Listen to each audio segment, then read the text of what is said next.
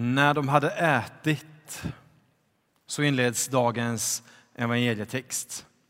I måndags på annandag påsk så inleddes den med medan de ännu talade. Evangelierna är fulla av sådana här korta meningar i stil med medan de sov, mitt i stormen, när de var ensamma, när det blev kväll, när solen stod högt på himlen. Korta meningar som visar att precis där, mitt i vardagen, medan allt annat pågår, precis där och då vill Jesus vara med och möta oss. Så nu när de hade ätit började Jesus och Petrus prata med varandra.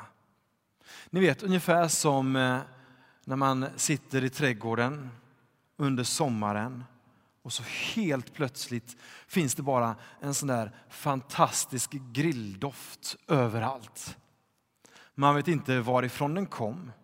Den kommer bara helt utan förvarning, helt plötsligt medan man är mitt i sitt samtal, mitt i sin glass, mitt i solen, så bara den är där. På ungefär samma sätt, mitt i vardagen, vill Jesus dyka upp och vara med dig och mig. Dagens text utspelar sig i Galileen.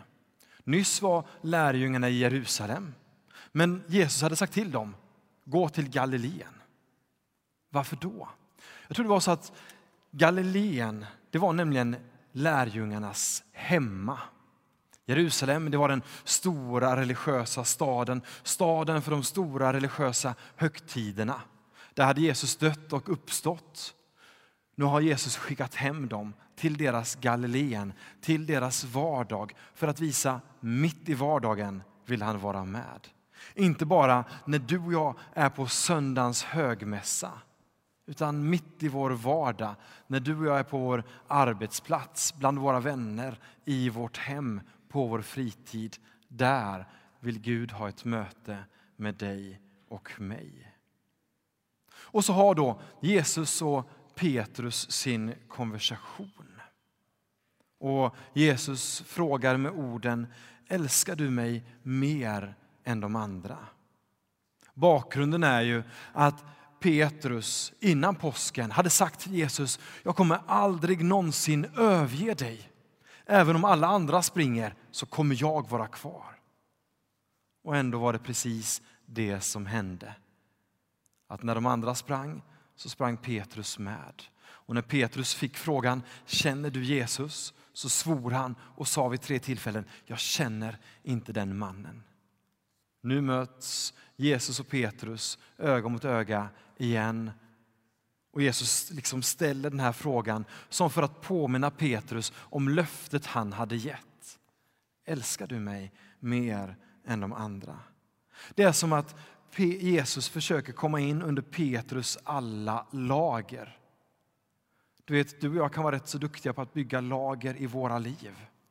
Och Jesus gräver sig djupare och djupare. Tre gånger hade Petrus förnekat honom. Tre gånger ställer Jesus frågan, älskar du mig mer än de andra? Antagligen gjorde det ont för Petrus att höra detta. De här orden skulle också kunna översättas med älskar du mig mer än detta? De stod på stranden. Kanske var det så att Jesus pekade ut mot fiskebåtarna. För Petrus hade nyss varit ute och fiskat. Kanske var det så att Petrus mitt i sin uppgivenhet tänkte, vad ska jag göra av mitt liv nu? Jag vet, jag flyr in i det som är bekant för mig, det som är vardag, det jag känner till. Jag flyr in i mina rutiner och mina hjulspår. Jag sticker ut och fiskar. Och så möts Jesus och Petrus här. Jesus pekar ut mot Petrus flykt och hjulspår. Älskar du mig mer än detta, mer än fiskeriet? Vad gör du och jag när vi känner oss förtvivlade, ledsna, uppgivna? Vad finns det för hjulspår eller mönster som du och jag kan tendera att fly in till? I det här samtalet så gräver som sagt Jesus djupare och djupare ner under Petrus alla lager. Först ett lager av stolthet. Sedan säkert ett lager av skam och känslan av att inte duga. Garanterat också ett lager av uppgivenhet. Och Jesus letar sig igenom varje lager, även om det gör ont för Petrus. Men syftet är att visa, jag står kvar här, Petrus. Jag, Jesus, står kvar här med dig. För Jesus fråga, frågorna, frågorna som Jesus ställer visar nämligen att Jesus inte använder sig av historien för att bedöma ditt och mitt nuvarande tillstånd. Lägg märke till skillnaden i frågan. Om Jesus hade sagt Petrus, varför gjorde du så där? Då hade han grävt i liksom, skammen, skulden. På det. Varför, varför gjorde du på det där sättet? Nu är det istället Jesus frågar, hur står det till nu? Ska vi börja på en ny kula? Älskar du mig mer än detta? Ska vi ta ett nytt avtramp idag? Och På det sättet så sänder Jesus budskapet till dig och mig. Det finns alltid en ny chans. Han frågar inte varför gjorde du så? Han frågar hur ser det ut nu, Petrus? På ett sätt som gör att han ändå gräver sig ner i vårt hjärta. Han vill inte bara sopa saker under mattan. Och det gäller även dig och mig. Utan Jesus vill hjälpa dig och mig att ta tag i våra problem. Vår uppgivenhet, vår skam, vår skuld. Istället för att plåstra om foten efter varje promenad så vill Jesus plocka ut gruskornet ur skon som skapar det där skavsåret. Och så när Jesus och Petrus haft det här samtalet så avslutas det med att Jesus sänder ut Petrus på nytt. För du och jag, vi har likt Petrus en uppgift att göra skillnad i den här världen.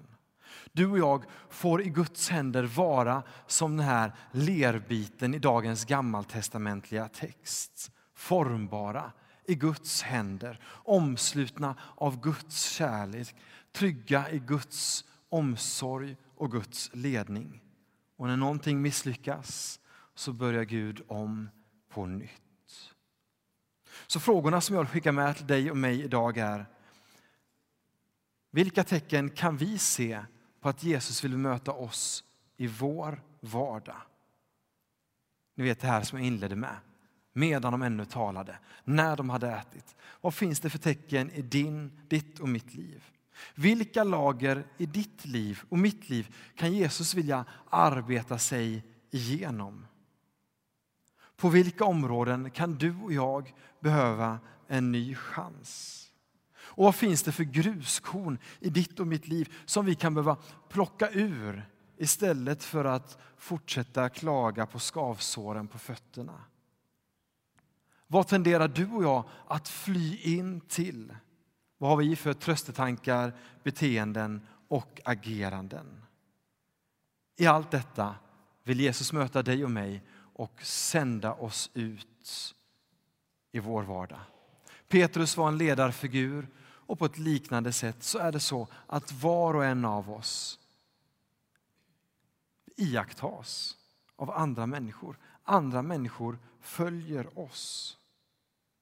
Vilka följer dig och vad gör du och jag av det ansvaret? Det får vi påminna oss idag om den här söndagen där temat är påskens vittnen.